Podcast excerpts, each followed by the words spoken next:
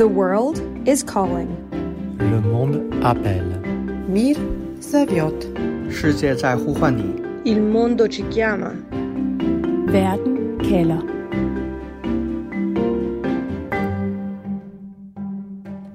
Her i Danmark har vi lykkeligt lagt coronanedlukningerne bag os, men i Kina er situationen en ganske anden. Kinas nul-tolerance-politik over for corona fører lige nu til totalnedlukninger og udgangsforbud, selv efter begrænsede smitteudbrud. Specielt i millionbyen Shanghai har det i perioder lignet noget fra en dystopisk fremtidsfilm. Indhegnede boligblokke med vagter og robothunde og droner med højtalere, der minder folk om at blive indenfor. Det er blevet hverdag for fjerde uge i træk for indbyggerne. Og nu kan samme skæbne ramme hovedstaden i Beijing. Derfor spørger jeg her på Verden kalder i dag, hvorfor er Kina stadig bange for corona? Jeg hedder Stine Krohmann Dragsted, og lad os starte med at finde svar på dagens spørgsmål ved at kigge på politiske grunde til, at Kinas ledelse og præsident Xi Jinping stadig er bange for corona.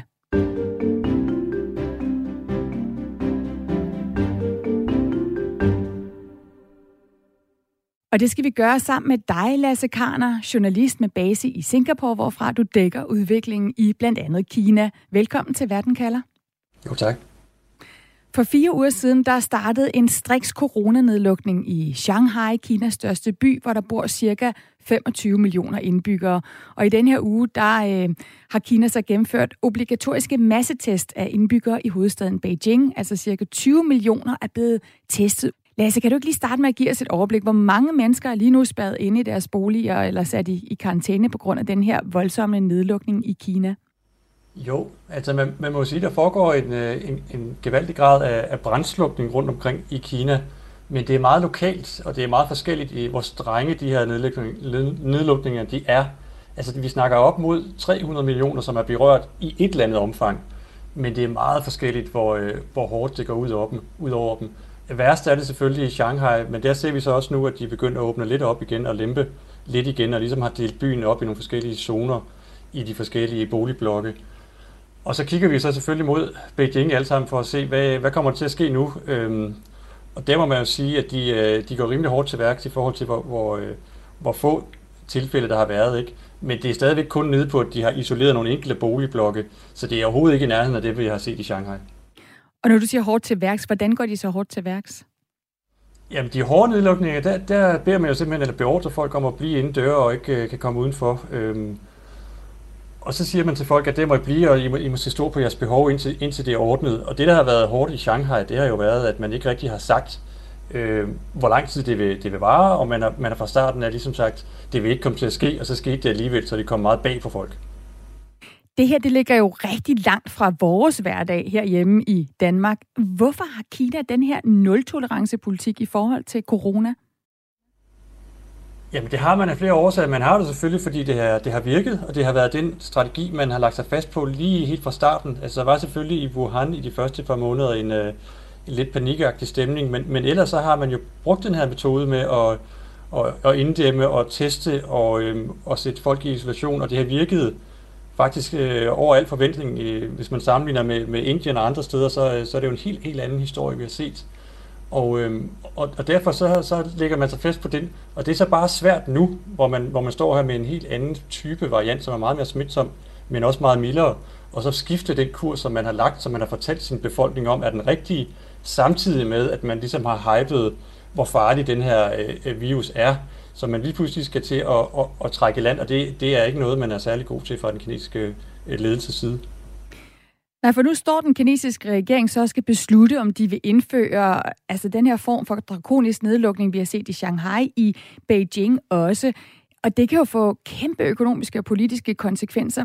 Prøv lige at rise op for os, Lasse, hvad er det for et dilemma, Xi og den kinesiske regering står i? Jamen, det, det er et dilemma på, på flere fronter. Altså, der er selvfølgelig det, det sundhedsmæssige, hvor man, øh, man har nogle vacciner i, i Kina, som ikke er, er helt så effektive som, som dem, vi har, vi har brugt med Pfizer og Moderna. Og så har man også et problem med, at det ikke er alle ældre, som, øh, som er blevet vaccineret. Øh, faktisk forholdsvis øh, få i forhold til i hvert fald en allerældste gruppe. i forhold til andre steder. Nu sidder jeg for eksempel i Singapore, som også er sådan et, et, et, et lettere autoritært styre, kan man godt kalde det, hvor vi er helt op på nogle af 90 procent. Men, men det er man altså ikke i Kina. Så, så der er en, øh, en risiko der. Og den anden ting er jo, at man, man rent politisk har gjort det her til en kæmpe sejr allerede. Man har ligesom udnævnt det til en stor sejr for, for Kommunistpartiet og for, for den kinesiske ledelse, og i særdeleshed Xi Jinping, den øverste leder for hans styre og hans måde at, at, at gribe tingene an på. Så man står i det her øh, enormt svære dilemma nu, hvor man både politisk og sundhedsmæssigt har øh, nærmest øh, kastet sig selv op i, øh, i, i et hjørne, ikke, som man ikke kan komme ud af, og hvor man, øh, hvor man ikke vil gå ind og, og skifte kurs på nuværende tidspunkt. Mens den her politik om nul coronasmitte har gjort øh, Shanghai til en spøgelsesby, så sidder der lige nu omkring 22 millioner indbyggere i hovedstaden Beijing og frygter det samme. Verden kalder. 世界在呼唤你。 Og nu har jeg holdt igennem til dig, Erik Messerschmidt, øh, med fra den kinesiske hovedstad Beijing. Du er leder af Dansk Kulturinstitut-afdeling i Beijing, og altså bosat i hovedstaden. Hvordan er situationen for dig i dag efter de her massetests? Jamen, jeg er faktisk lige for 20 minutter siden kommet fra min tredje test siden i mandags, og det er så en af 20 millioner, der har, har gjort. Øh, og den gode nyhed er, at der efter, tredje, efter anden test kun var 52 smittede, og af dem var de otte ikke i forvejen øh, kategoriseret som close contacts. Det vil sige, at man efter fire dage er i den situation, at man, man kun har otte, der, har, der er undsluppet øh, nåleøjet. Så jeg tror, vi alle sammen er meget lettet, øh, og det er det, der karakterer os alle sammen. Øh, men myndighederne er fuldt op cirka en halv time efter, vi stod op med øh, påbud om, at man ikke må gå i parker eller sidde på græsset eller øh, tage madpakker med ud, øh, fordi man simpelthen vil undgå, at folk stemler sammen. Så vi ser, vi ser frem til en majferie, den starter altså i morgen kl. 8, øh, hvor vi holder os hjemme. Og det tror jeg nok, de fleste af os vælger at gøre for at undgå at komme i en situation som Shanghai. Prøv lige at forklare, hvad det betyder. Er det en nedlukning eller en opfordring til, at man bliver hjemme? Altså, hvordan kommer det til at fungere? Det er opfordringer på nuværende tidspunkt. Det er sådan, så der er øh, set i morges 229 mennesker, der er øh, smittet med covid-19, øh, omikronvarianten. 229 ud af 23 millioner mennesker. Det har medført, at 65 boligbebyggelser er i lockdown, og det er de i cirka to til tre uger. Resten anbefales at holde sig så stille og tæt på hjemmet som muligt, men der er ikke nogen påbud.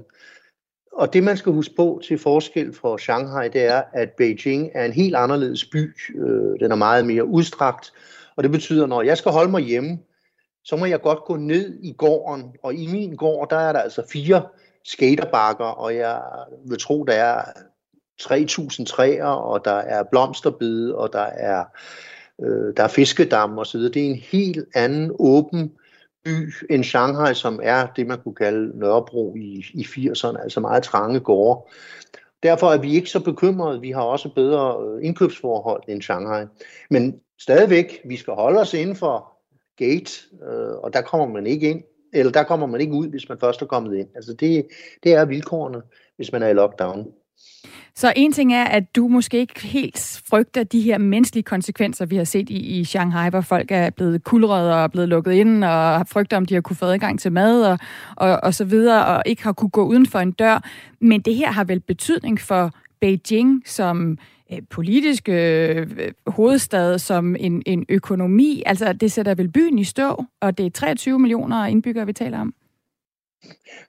Jeg ved ikke, om sætte i stå er det rigtige ord. Altså, der, der, der foregår jo stort set ikke noget, der, medmindre man, man taler om, om privatliv, ikke? eller dem, der kan arbejde hjemmefra. Øh, jeg sidder i verdens største øh, kunstområde, sådan 4 gange 4 kilometer, øh, med, med hundredvis af gallerier og museer og kulturcentre, og der er næsten ikke noget liv. Øh, og det liv, der er, det er, det er kontorarbejdspladser, der er ikke noget publikumsliv. Der er ingen koncerter, der er ingen sportsbegivenheder. Alt er lukket ned de næste 3-4 uger. Vi havde en Kina-premiere på Cirkeline på kinesisk den 21. maj. Den har vi måtte udsætte. Ikke? Så, så hele byen er øh, de facto øh, sådan, som Danmark var for et års tid siden. Og vi skal lige huske på, at det er først nu, det er nået til Kina. Vi har ikke haft nedlukkede dage siden 16. maj 2020. Og det vil sige, at næsten to år har vi haft fuldstændig almindelige aktiviteter. Det er først nu med omikron, at vi begynder at mærke det, som Vesten har mærket. Og Erik Messersmith, hvordan tager folk så imod det her med, at nu øh, lukker I måske ikke ned, men er der en kraftig opfordring til, at man bliver hjemme, og at alle aktiviteter stopper? We take one for the mother country, tror jeg. De fleste siger. Altså, øh, Shanghai skræmmer helt umanerligt. Altså, der var ingen, der havde ventet, at det stod så dårligt til i Shanghai. Og vi skal lige huske på, at der, Shanghai er jo ikke den eneste by, der har haft så mange tilfælde på indbygger. Øh, to manchuriske byer, Jilin og Changchun, var faktisk hårdere slidte, øh, men mindre mediatiseret, og, og den sydkinesiske metropol Shenzhen havde også meget, meget dårlige tal. Men de klarede de byer, de klarede det bedre end Shanghai, og det er altså en politisk meget dårlig styring af situationen i Shanghai, som jo går for at være top-notch moderne, og, og det sted, de fleste kinesere vil bo. Så det har skræmt. Altså, kineserne er hundeangst for, hvorfor det perfekte styre i Shanghai er gået så galt i byen. Og derfor tror jeg, at de fleste vil, øh, de vil ramme ind. De vil sige, det gør vi bare, fordi vi skal være sikre på, at vi er ude igen alle sammen om to-tre uger. Den her usikkerhed, der stadigvæk er i Shanghai, som formentlig forplanter sig til en gang ind i juli, den er der ingen, der vil leve med. Og lige til sidst, øh, Erik Messersmith, altså leder af Dansk Kulturinstituts afdeling i Beijing. Hvad synes du om de kinesiske myndigheders håndtering af situationen her? Altså den her insistering på at fortsætte nul-tolerance-politikken over for corona? Jeg er helt på linje med Lasse Kramer her. Altså det er, det er konsekvensen af, at den første generation af krisehåndtering efter Wuhan gik så godt. Altså Kinas nul øh, tolerance var en succes indtil omikron bankede på døren. Og det havde man så bare ikke forudset, og man har, som Lasse helt rigtigt siger, man har allerede meldt ud, man vandt. Det vil sige, at det kinesiske styre er i en pinlig øh, øh, øh en situation, hvor man ikke, den ikke ved, hvordan den skal handle. Og det er en kæmpe kommunikationsopgave for styret at fortælle befolkningen, at så galt er denne her variant af omikron, eller af covid altså ikke, så nu begynder vi at slække. Det er så forankret i hele det politiske narrativ gennem to år, at man kan ikke bare lige vende på en tallerken, så vil man miste 100 millioner af, af mennesker, der vil sige, at det er det, vi har været igennem, og så var det alligevel ikke så farligt. Så jeg jeg forudser altså, at det her det er noget, der bliver ved med at martre Kinas ledelse i et par måneder endnu. Formentlig indtil Xi Jinping skal genvælges, eller bliver genvalgt en gang i oktober. Så kan man begynde at slappe af igen. Tak for at give os øh, det perspektiv fra Kina, fra Beijings hovedstad, Erik Messerschmidt. Velbekomme. Du lytter til Verden kalder på Radio 4. Lasse Karner, du har lyttet med her til beretningen fra Erik Messersmith i Beijing. Hvordan ser du de konsekvenser, det kan få, at man både har lukket øh, Shanghai ned, som jo er Kinas største by, et økonomisk centrum, og nu egentlig også sætter Beijing i stå. Hvordan, hvilke konsekvenser får det økonomisk? Det er jo svært at sige nu, hvordan det kommer til at egne sig i, i øh, hvordan det kommer til at gå i Beijing, men, men allerede nu kan vi jo se på, på Shanghai, at det kommer til at få store konsekvenser. Jeg så en, en artikel senere i, tidligere i dag fra, øh, fra Handelskammer, det europæiske handelskammer, fra deres generalsekretær, der var ude at sige, at han regnede med, at, at væksten i Kina vil falde til under 4 procent, hvor, øh, hvor den officielle udmelding det er 5,5 procent. Altså Shanghai, det er, øh, det, det er verdens største udskibningshavn, og det har vi først, altså vi, kommer først til at se konsekvensen af det om nogle måneder, øh, fordi der kommer til at være en gigantisk øh, prop i, i, i fragten derudfra. Så det her det er noget, der kommer til at ramme øh, bare på grund af Shanghai, og så ved vi jo ikke, hvad der kommer til at ske andre steder. Så, så det er helt sikkert noget, som Kinas økonomi den kommer til at døje med i, i mange måneder fremover. Og fordi Kina jo er verdens vækstcentrum i dag og verdens største handelsnation, og spiller så stor en rolle i globale forsyningskæder, så kan man ikke komme udenom, at det her det er, det er noget, der ikke kun rammer Kina økonomisk, men også kommer til at, at brede sig på, øh, på global plan. Og en ting er, at det kan ramme os andre og brede sig på global plan, men, men Xi Jinping, øh, Kinas præsident, har jo også været ude og love fortsat vækst. Han har sat nogle mål for, at der kan komme øh, så så mange kinesere i arbejde. Det er et vigtigt år for, for ham politisk med store politiske møder. Hvordan forklarer Xi Jinping og regeringen den her nul-tolerance, når der er så få, der alligevel bliver smittet og dør i Kina? Ja, den korte forklaring er, at de, de holder masken, vil jeg sige. Øhm, og så skal man huske på, at netop fordi de har øh, bombarderet øh, befolkningen med den her, det her narrativ i, i så lang tid, jamen så er folk faktisk øh, forholdsvis bange for, for virusen og for at blive smittet. Så, så, så det er jo ikke, fordi man skal ind og overbevise dem om, at, at, at, corona er en farlig ting. Det, det tager folk ligesom som, som udgangspunkt. Så man er slet ikke begyndt på at, at i tale sætte, at vi skal lære at leve med den her virus. Øh, I stedet har man jo hele tiden ligesom fremhævet, se hvor galt det er gået andre steder, og se hvor gode vi er. Så, så det er ikke sådan et, et, et øh, problem i forhold til at kommunikere det. Det er mere den anden vej rundt, at hvis man vil, vil lave det der kursskifte, så bliver man nødt til at, at, at, at gå en helt anden vej. Men det er der bare ikke noget, der tyder på lige nu. Altså, der, er der er ikke noget, der tyder på i kommunikationen i de kinesiske statsmedier, at, at, at man ligesom går, går i den retning, at man begynder at informere mere om, at det her det er faktisk øh, en meget mildere version, og der er faktisk andre måder at håndtere det på. Se, hvordan man har gjort herover eller herover.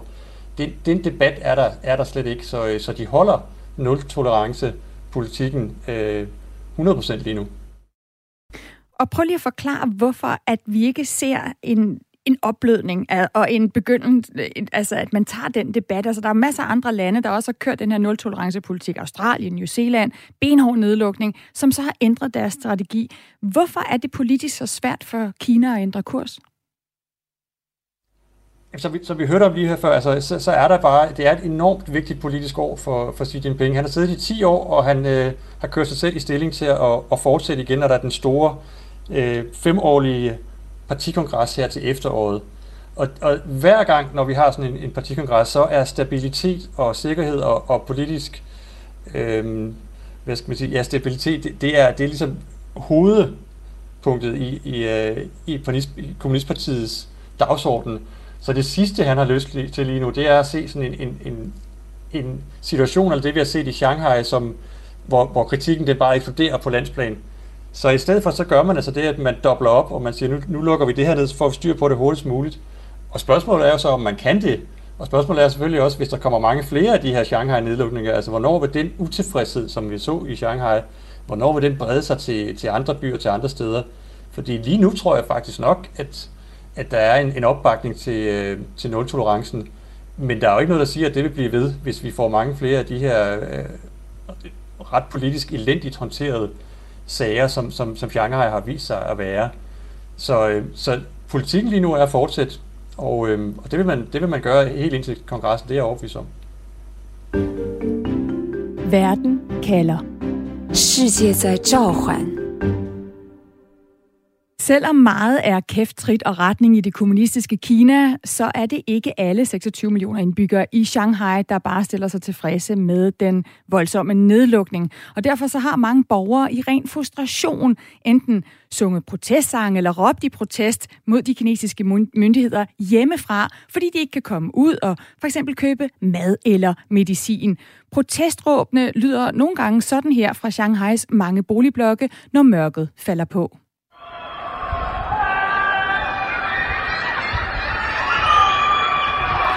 Klippet her er fra det kinesiske sociale medie Weibo og er blevet bragt i New York Post.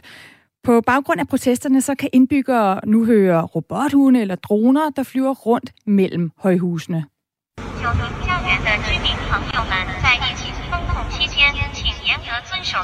Overhold venligst de relevante bestemmelser om forebyggelse af epidemier i dit område. Kontroller sjælens ønske om frihed. Og åbn ikke vinduet for at synge. Denne adfærd har risiko for at sprede epidemien, lyder det fra dronernes højtalere her. Og lyden det er altså et videoklip, øh, som øh, blandt andet den engelske avis The Guardian har bragt. Og når kineserne ikke står på altanen eller råber ud i mørket, så har de bombarderet de sociale medier med videoer, der på den ene kreative måde efter den anden kritiserer regeringens politik. For censurapparatet har været hurtigt til at pille videoerne ned igen, så ifølge CNN er det for eksempel nu blevet forbudt at bruge sætninger fra den kinesiske nationalmelodi, fordi den også optrådte i en af protestvideoerne. Lasse Karn er journalist med base i Singapore, hvor du dækker udviklingen i Kina. Altså, hvor usædvanlige er de her protester? Det er usædvanligt. Altså, det er, det er ikke fuldstændig uhørt øh, at på enkeltsager, at, at der en gang imellem så blusser der en, en, en, øh, en storm op på de sociale medier. Men det her, vi har set i Shanghai, det er udover det sædvanlige. Altså, der er sådan en, en katten og musen tilgang, øh, hvor, øh, hvor man må sige, at øh, at internetbrugerne, de, de har faktisk nogle gange formået simpelthen at oversvømme de sociale medier med, med forskellige videoer og lydklip, og, og, øh, og som ligesom tegner et, et billede af en, en, en ret chokeret befolkning i, i Shanghai, vil jeg sige. Fordi de er jo ikke vant til, altså de ser sig selv som, som, som den mest moderne, den mest internationale og ubetingede bedste by i, i Kina. Og lige pludselig så er de øh, fuldstændig lukket ned på ubestemt tid og, og får det singer fra Beijing, altså det, det tror jeg også spiller lidt ind, at det rammer dem på deres øh, selvforståelse, fordi der er ligesom den her konkurrence mellem Shanghai og Beijing, det har der altid været, og hvor, hvor folk i Shanghai, de føler, at de er væsentligt bedre end de der bønder oppe i Beijing. Og lige pludselig så får de altså at vide, at de skal bare øh, rette ind og, og gøre, som der bliver sagt. Så det har ramt dem på deres, øh, på deres selvforståelse, og, og det tror jeg også hører med til, til det, det udbrud af, af vrede, vi har set her. Men det er udover det sædvanlige, og, og jeg vil sige, at censuren, de, øh, de er jo effektive i Kina, men det har vist, at der er også grænser for, hvor meget de kan nå at, at flytte, hvor meget de kan nå at slette. Nu har du fortalt om, at det her det øh, er, er en vigtig tid for Xi Jinping, for, for det øh, kommunistiske øh, parti. Altså til oktober skal der være stor partikongres. Xi Jinping går til at blive øh, genvalgt til sin øh, tredje periode som, som leder.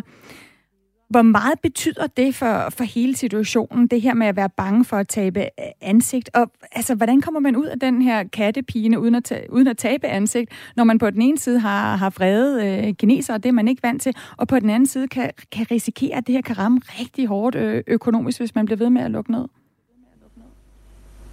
Det er næsten en, en umulig balancegang, de er ude i der, vil sige. Øh, de kan, de kan ikke vinde på alle fronter på, på nuværende tidspunkt. Altså, det er simpelthen et spørgsmål om, at man har, man har undervurderet den her variant, og hvad den står for, og hvad, den, hvad der skal til for, for at håndtere den, eller rettere, hvad der ikke skal til måske.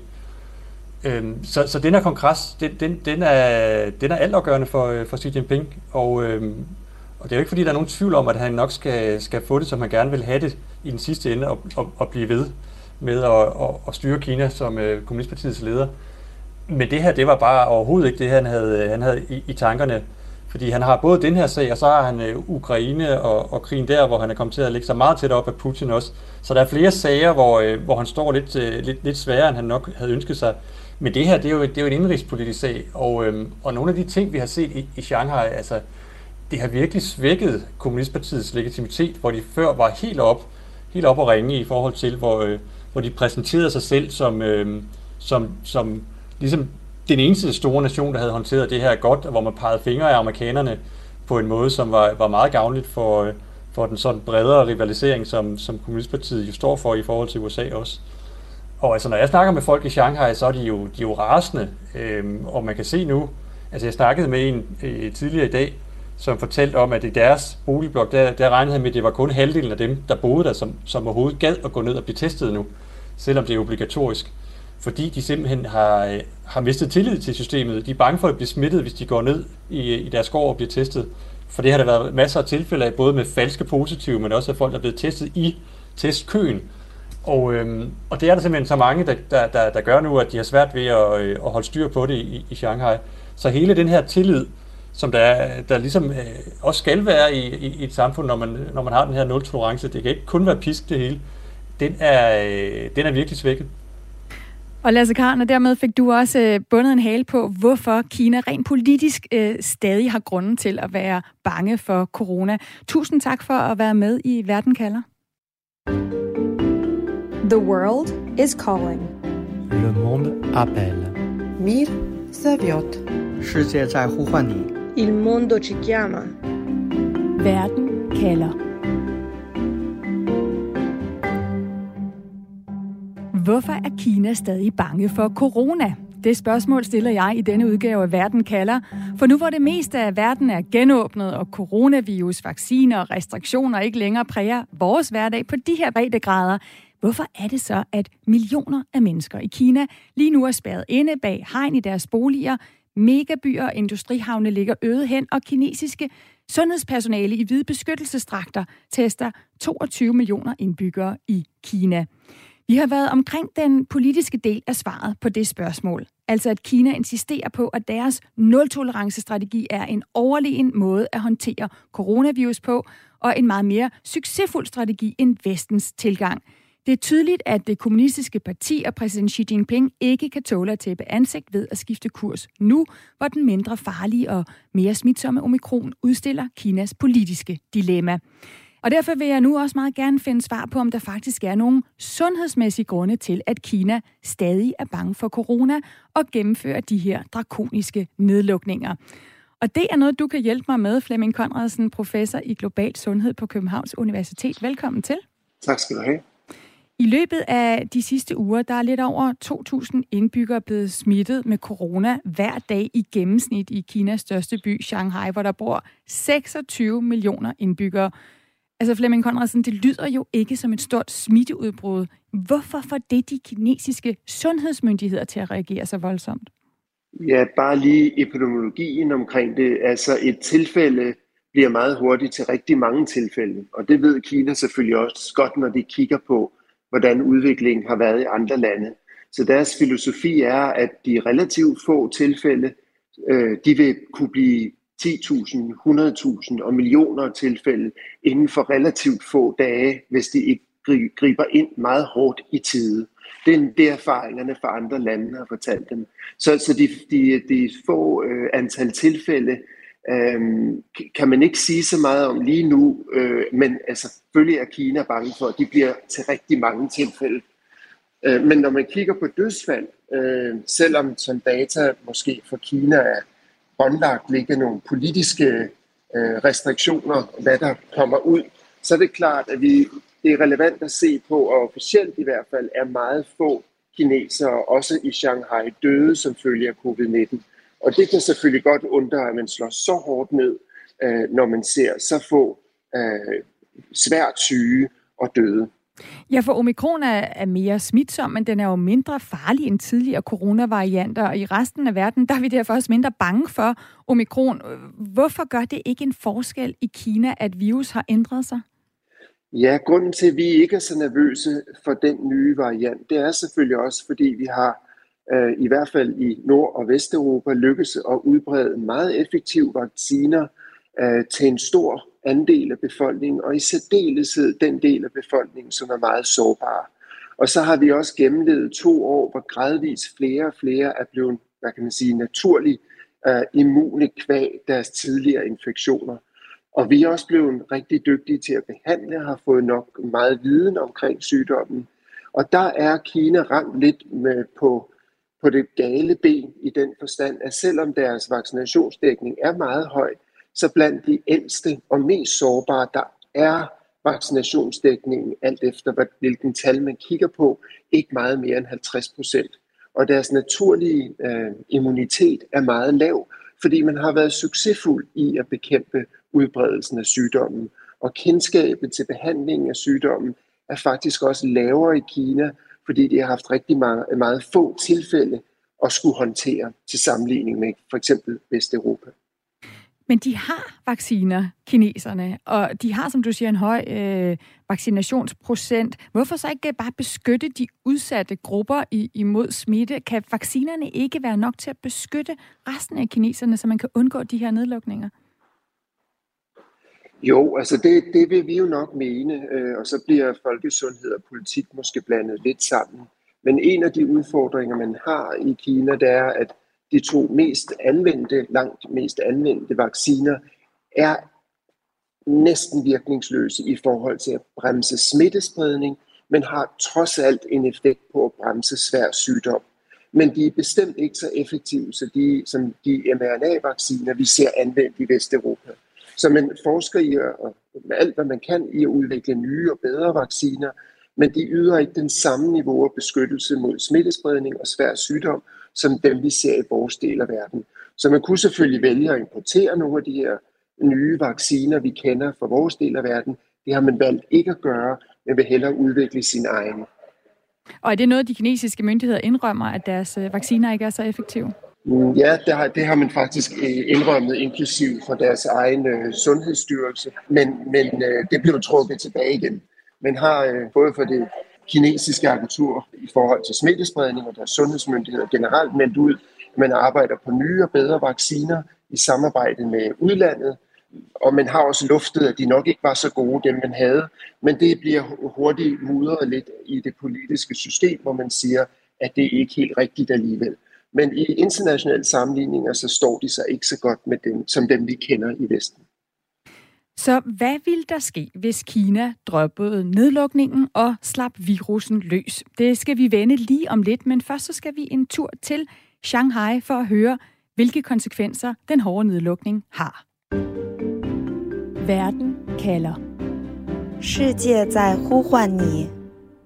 For i en lejlighed i Shanghai med, med udsigt ud over byen, der sidder du, Jakob Lindulf. Velkommen til Verden kalder. Tak skal du have. Du er Danmarks generalkonsul i Shanghai, og så har du netop i dag været spadet inde i din lejlighed i fire uger.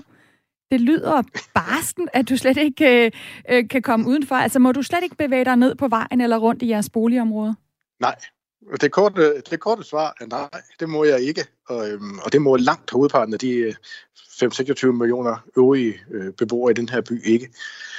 Og, og hvis du har været i, i Shanghai, og nogle af lytterne har været i Shanghai, så er det jo den her helt uendelige by, en af verdens største byer med, med mange millioner mennesker, og en, en bulrende metropol. Øhm, og, og det sidste måned, ja faktisk op til to måneder, har det, vil jeg tro det rigtige ord, har været stillhed. Øh, vi oplever en, en by, hvor der, hvor der simpelthen bare er stille. Øh, det handler selvfølgelig om støj. Der er ikke nogen biler, der er ikke nogen mennesker på gaden, der er ikke nogen butikker, der er åbne. Men efterhånden begynder det også at handle lidt om, om et billede på sindstilstand. Altså, det er ligesom om, at, at befolkningen og livet er gået på vågeblus, eller der er sat en automatpilot til. Øhm, en ny måde at, at leve et liv på, hvor, hvor man står op, øh, man får sin mad, og man får sin søvn, men man vågner op til den samme dag igen og igen og igen. Øhm, og efterhånden har vi, har vi gået det så lang tid, og der er ikke rigtig udsigt til, til forandring. Hvad forhindrer dig, Jakob, i at gå andre steder hen? Altså, er du lukket inde af, af fysiske hegn, eller er der vagter, der stopper dig, hvis du går ned på gaden? Jamen, den måde, man bor på i Shanghai, er typisk sådan nogle, øh, sådan nogle boligkvarterer, som er, som er indhegnet. Og, og det, der er simpelthen en port, øh, og den port er lukket. Og, og der, der er vagter, der, der, der sidder der og skal tjekke ens papir.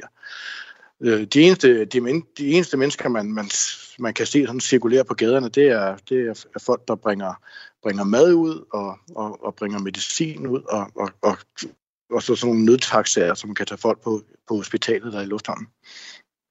I den her udsendelse, der prøver jeg jo at få svar på, hvorfor Kina stadig er bange for corona.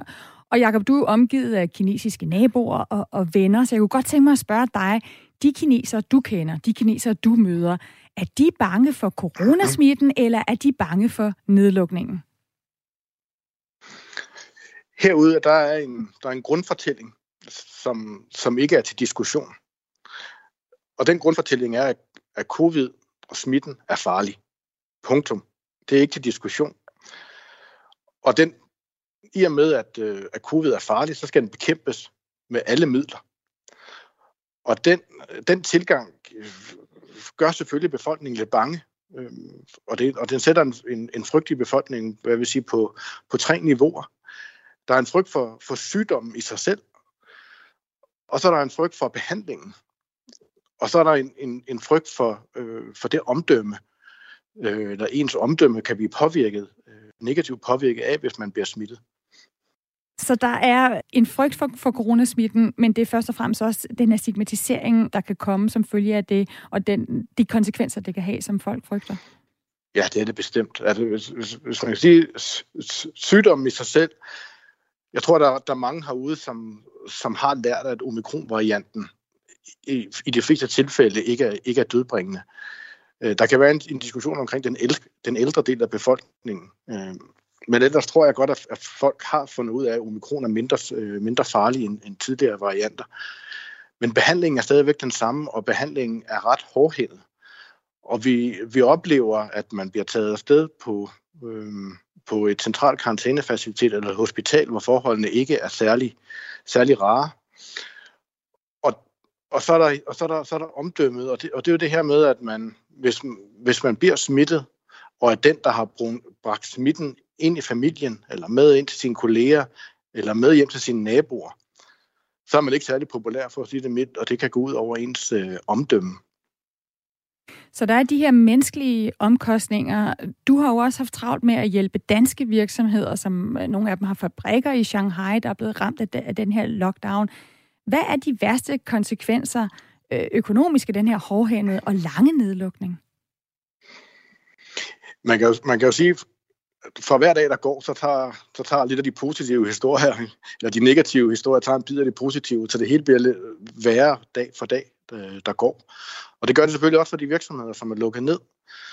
I starten kunne man måske klare sig med, med de ting, man havde på lager og, og holde, holde en produktion gående. Men når man nu ikke kan få sine råvarer ind, at man ikke kan få sine komponenter ind og holde produktionen gående, man ikke kan få medarbejdere ind, man ikke kan få sine færdigprodukter ud, hvis man er i stand til at producere, det kommer til at sætte sig på, på ens bundlinje, og det kan også gøre det på lang sigt. Vi oplever også en, en, en transportsektor, og i særlig grad de store havne øh, herude, som har en ut- utrolig backlog nu her, og de kommer til at tage måneder øh, efter, at byen er åbnet op igen for at få, for de, for de ting afviklet.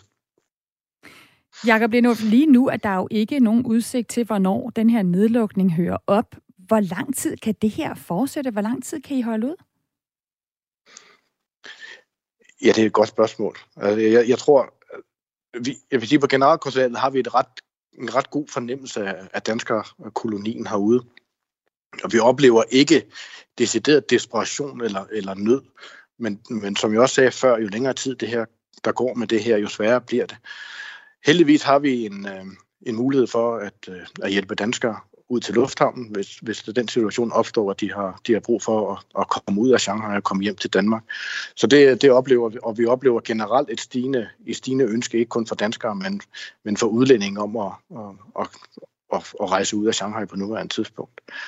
Hvor længe det kommer til at vare, vi havde ellers set en lidt positiv trend her de senere dage med, med faldende, øh, faldende tal for nye smittede dagligt. I dag øh, steg den så igen, og det er sådan lidt en mavepuster til os alle sammen. Så det kan godt komme til at tage noget tid endnu. Det, det må vi nok bevæbne os på.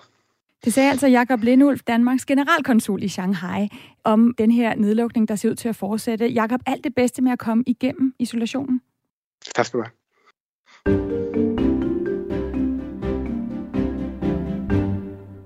Flemming Conradsen, professor i global sundhed på Københavns Universitet. Du har lyttet med her til beretningen fra Shanghai, altså Kinas øh, største by. Den her nedlukning den koster jo ikke alene øh, samfundet økonomisk, som vi også hører her, den har også konsekvenser for millioner af menneskers sundhed. Menneskerettighedsorganisationen Human Rights Watch slår for eksempel fast, at den drakoniske nedlukning alene i Shanghai har hæmmet folks adgang til sundhedspleje, til mad, til andre livsnødvendigheder, og at et ukendt antal mennesker er døde efter at være blevet nægtet lægebehandling for deres ikke coronarelaterede sygdomme. Flemming, altså hvor alvorlig er de øh, sundhedsmæssige konsekvenser af, at man har en nedlukning, der fortsætter og kan ramme flere kinesere, måske også i Beijing nu? Ja, det er en bekymring. En meget stor bekymring. Det er meldt ud i dansk tid i morges, at 167 millioner kinesere nu er ramt øh, af nedlukning øh, i mere end 27 byer.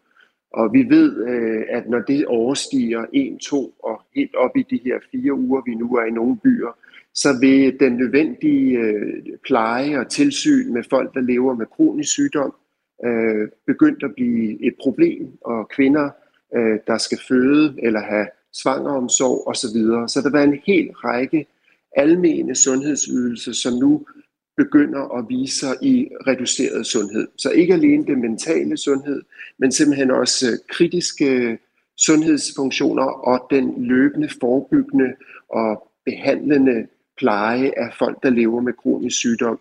Det kan vi godt klare en uge og to uger, men, men nu begynder det at blive så langtrukket, at det vil helt sikkert få konsekvenser for mange øh, millioner menneskers sundhed. Og det er derfor, at den lockdown, vi ser nu, virker ude af proportioner i forhold til øh, generelle sundhedsmål. Og nu er det jo coronavarianten omikron, der er på spil i Kina. Hvad tror du, Flemming Conradsen, der ville ske, hvis det kinesiske styre droppede nedlukningerne og slap, slap virus løs? Ja, det vil man selvfølgelig være nødt til at gøre mere gradvis. Øh, så, så det, der vil virke mest naturlig strategi, det er at sætte alt ind på at beskytte de mest sårbare, øh, de ældre og dem med underliggende sygdom. Øh, og det, det må være strategi nummer et. Så er det selvfølgelig øh, og, og gradvist øh, åbne samfundet op. Jeg kan godt forstå, at man ikke vil slippe alt løs på én gang, fordi der er så lav naturlig immunitet i befolkningen, og, og vaccinerne er der stadigvæk nogle spørgsmål omkring. Men det er helt klart, at den meget, meget drakoniske nedlukning, man ser nu, øh, virker ikke formålstjenligt, heller ikke fra et folkesundhedsperspektiv. Men vil være nødt til nu øh, at lukke mindre hårdt ned, men gå ind og beskytte meget målrettet de mest sårbare. Det vil være den naturlige strategi. Og det vi hører nu fra Shanghai, og det vi nu er på vej til at opleve i Beijing og de 26 andre større byer i Kina. Det, det er ikke en farbar vej. Altså, man kan ikke øh, kontrollere den her nye variant. Den er så smitsom, at det, der skal til for at begrænse smittespredningen, det kræver så massive nedlukninger og testninger. Kina meldte ud i går, at de havde testet omkring 50 millioner mennesker på en dag. Men, men de kan ikke bruge de oplysninger til noget. Øh, de kan ikke følge op på dem i forhold til smitteopsporing osv. Så, så jeg tror ikke, det heller for et folkesundhedsperspektiv giver mening at teste vedvarende på det niveau. Og hvorfor kan de ikke det? Hvorfor kan de ikke bruge det til noget? Ja, de bruger det selvfølgelig til at lukke ned, øh, og det er sådan, de bruger det, men i mange andre dele af verden har man jo brugt det til at smitteopspore, øh, og det kan du gøre i begyndelsen af, af en epidemi, så bruger du det meget aktivt til at finde ud af, hvem har den person været i kontakt med. Men i Kina bliver det brugt til at sige et tilfælde inden for 14 dage, så lukker et helt boligområde eller by eller andet ned. Øh, så det bliver ikke brugt i forhold til meget specifik smitteopsporing. Det bliver brugt som et, et redskab til at, at holde et bykvarter åbent eller lukket. Og det er for, det er for stor en kanon. Det er simpelthen for, øh, ja, for aggressiv øh, i forhold til, hvad det er, du vil opnå, givet den variant, vi har, der cirkulerer, og givet det kliniske udkomme, vi kender for den variant, altså hvor sygdomsskabende det er, det vil jeg vurdere ude af proportioner, fordi de afledte sundhedseffekter simpelthen er for store. Omkostningerne er for store på ikke bare økonomi og mental sundhed, men også på folks adgang af sundhedssystemet i det hele taget. Nu er der jo de her politiske grunde til, at Kina ikke er meget for at skifte kurs i deres øh, coronahåndtering. Men sundhedsmæssigt, Flemming Conradsen, hvad er det så, sundhedsmyndighederne frygter, hvis de slipper virusen fri? Ved vi, øh, hvad det, hvor, hvor mange de øh, frygter, at der for eksempel kan dø af kinesere, hvis de skifter kurs nu? Ja, de er helt sikkert nervøse for, at, at de tidligere tal, de har været ude med, det her omkring hvis de havde fulgt Vesteuropa, altså Nordamerikas strategi, ville der have været omkring øh, 3 millioner kinesere, der ville have været døde på nuværende tidspunkt. Øh, og det er selvfølgelig, øh, det var en anden variant, der cirkulerede. Det var øh, før vaccinerne blev gjort tilgængelige osv. Men de frygter selvfølgelig, at deres sundhedssystem ikke vil kunne kapere øh, et meget stort pres. Øh, og og det, det vil jo blive i 100.000 og millioner af mennesker, som sundhedssystemet skal være i kontakt med. Og det er de simpelthen nervøse for, at det kan systemet ikke klare. Og det vil selvfølgelig være en enorm politisk bejmand, hvis de er nødt til at, at melde ud, at nu, øh, nu er det så stor en smittespredning, at de, øh, mange skal i isolation, mange skal i behandling, at deres sundhedssystem knækker. Så det er den samme diskussion, som vi har haft i Vesteuropa, som man nu øh, overvejer i Kina, kan vores sundhedssystem klare presset? Og der ligger selvfølgelig en usikkerhed på, hvad der vil ske. Og det er, det, man, det er det, man, den chance, man ikke tør tage. Fordi hvis det viser sig, at det sundhedssystem knækker, så har de simpelthen heller ikke opnået de politiske, den politiske kommunikation vil lige pludselig falde fra hinanden. Så er det ikke længere nogen stor succes, som man ellers proklamerer over for resten af verden. For det er jo det, Kina har holdt fast i. Altså, vi har en overlegen måde at kontrollere coronasmitte på, øh, og, det, og de siger jo også, at det netop er det sundhedsmæssige hensyn, der vejer tungest. Altså, vi sætter menneskeliv over profit, lyder det fra Kina. I modsætning til, skal man forstå, i for eksempel USA, hvor der jo er langt flere døde med, med covid, øh, end der har været i Kina. Flemming Conradsen, ser du nogen tegn på, at Kina vil skifte strategi og bløde op i deres nul-tolerance-politik ud fra et folkesundhedshensyn? Nej, desværre fordi de nu har bundet strategien så meget op på øh, ikke bare det folkesundhedsvidenskabelige, men også det politiske.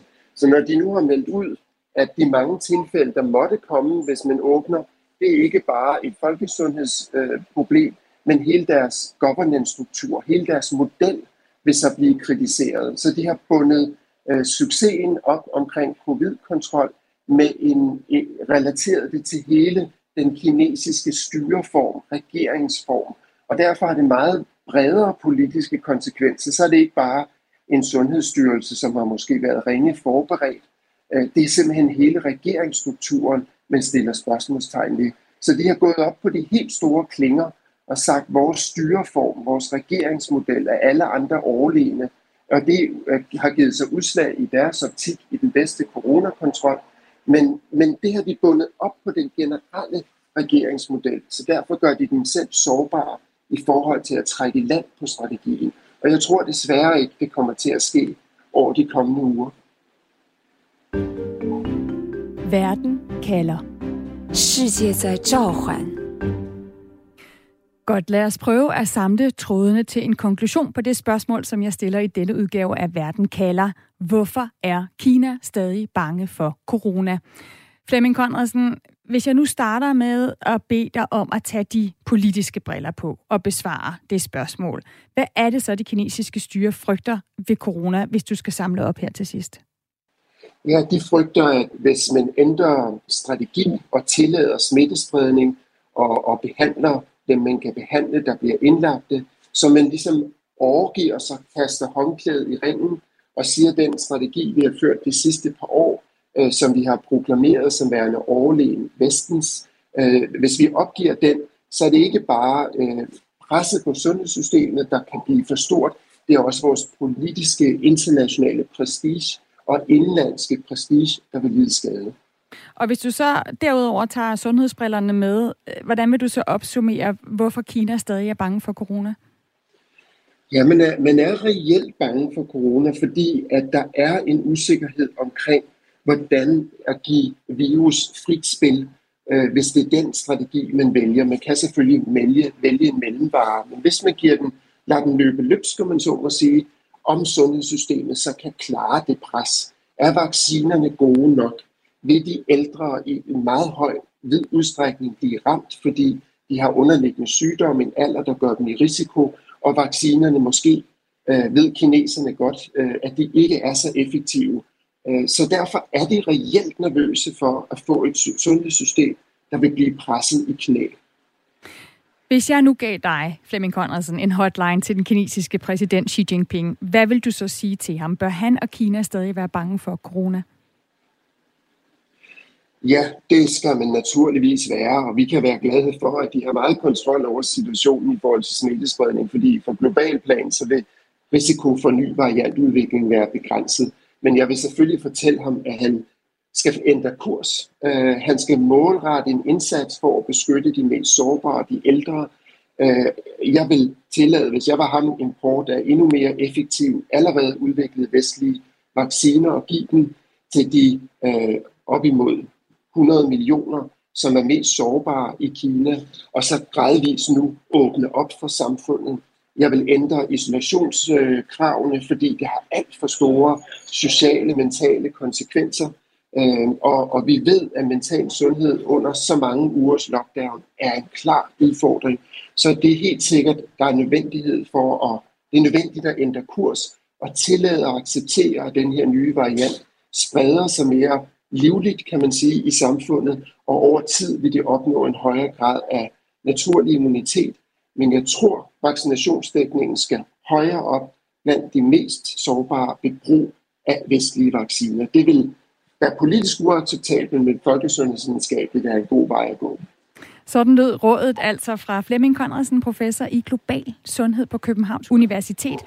Flemming, tak for at være med til at bidrage til øh, et svar på, hvorfor Kina øh, går ene gang med en meget anderledes og voldsom strikt øh, håndtering af corona i landet. Tak skal du have.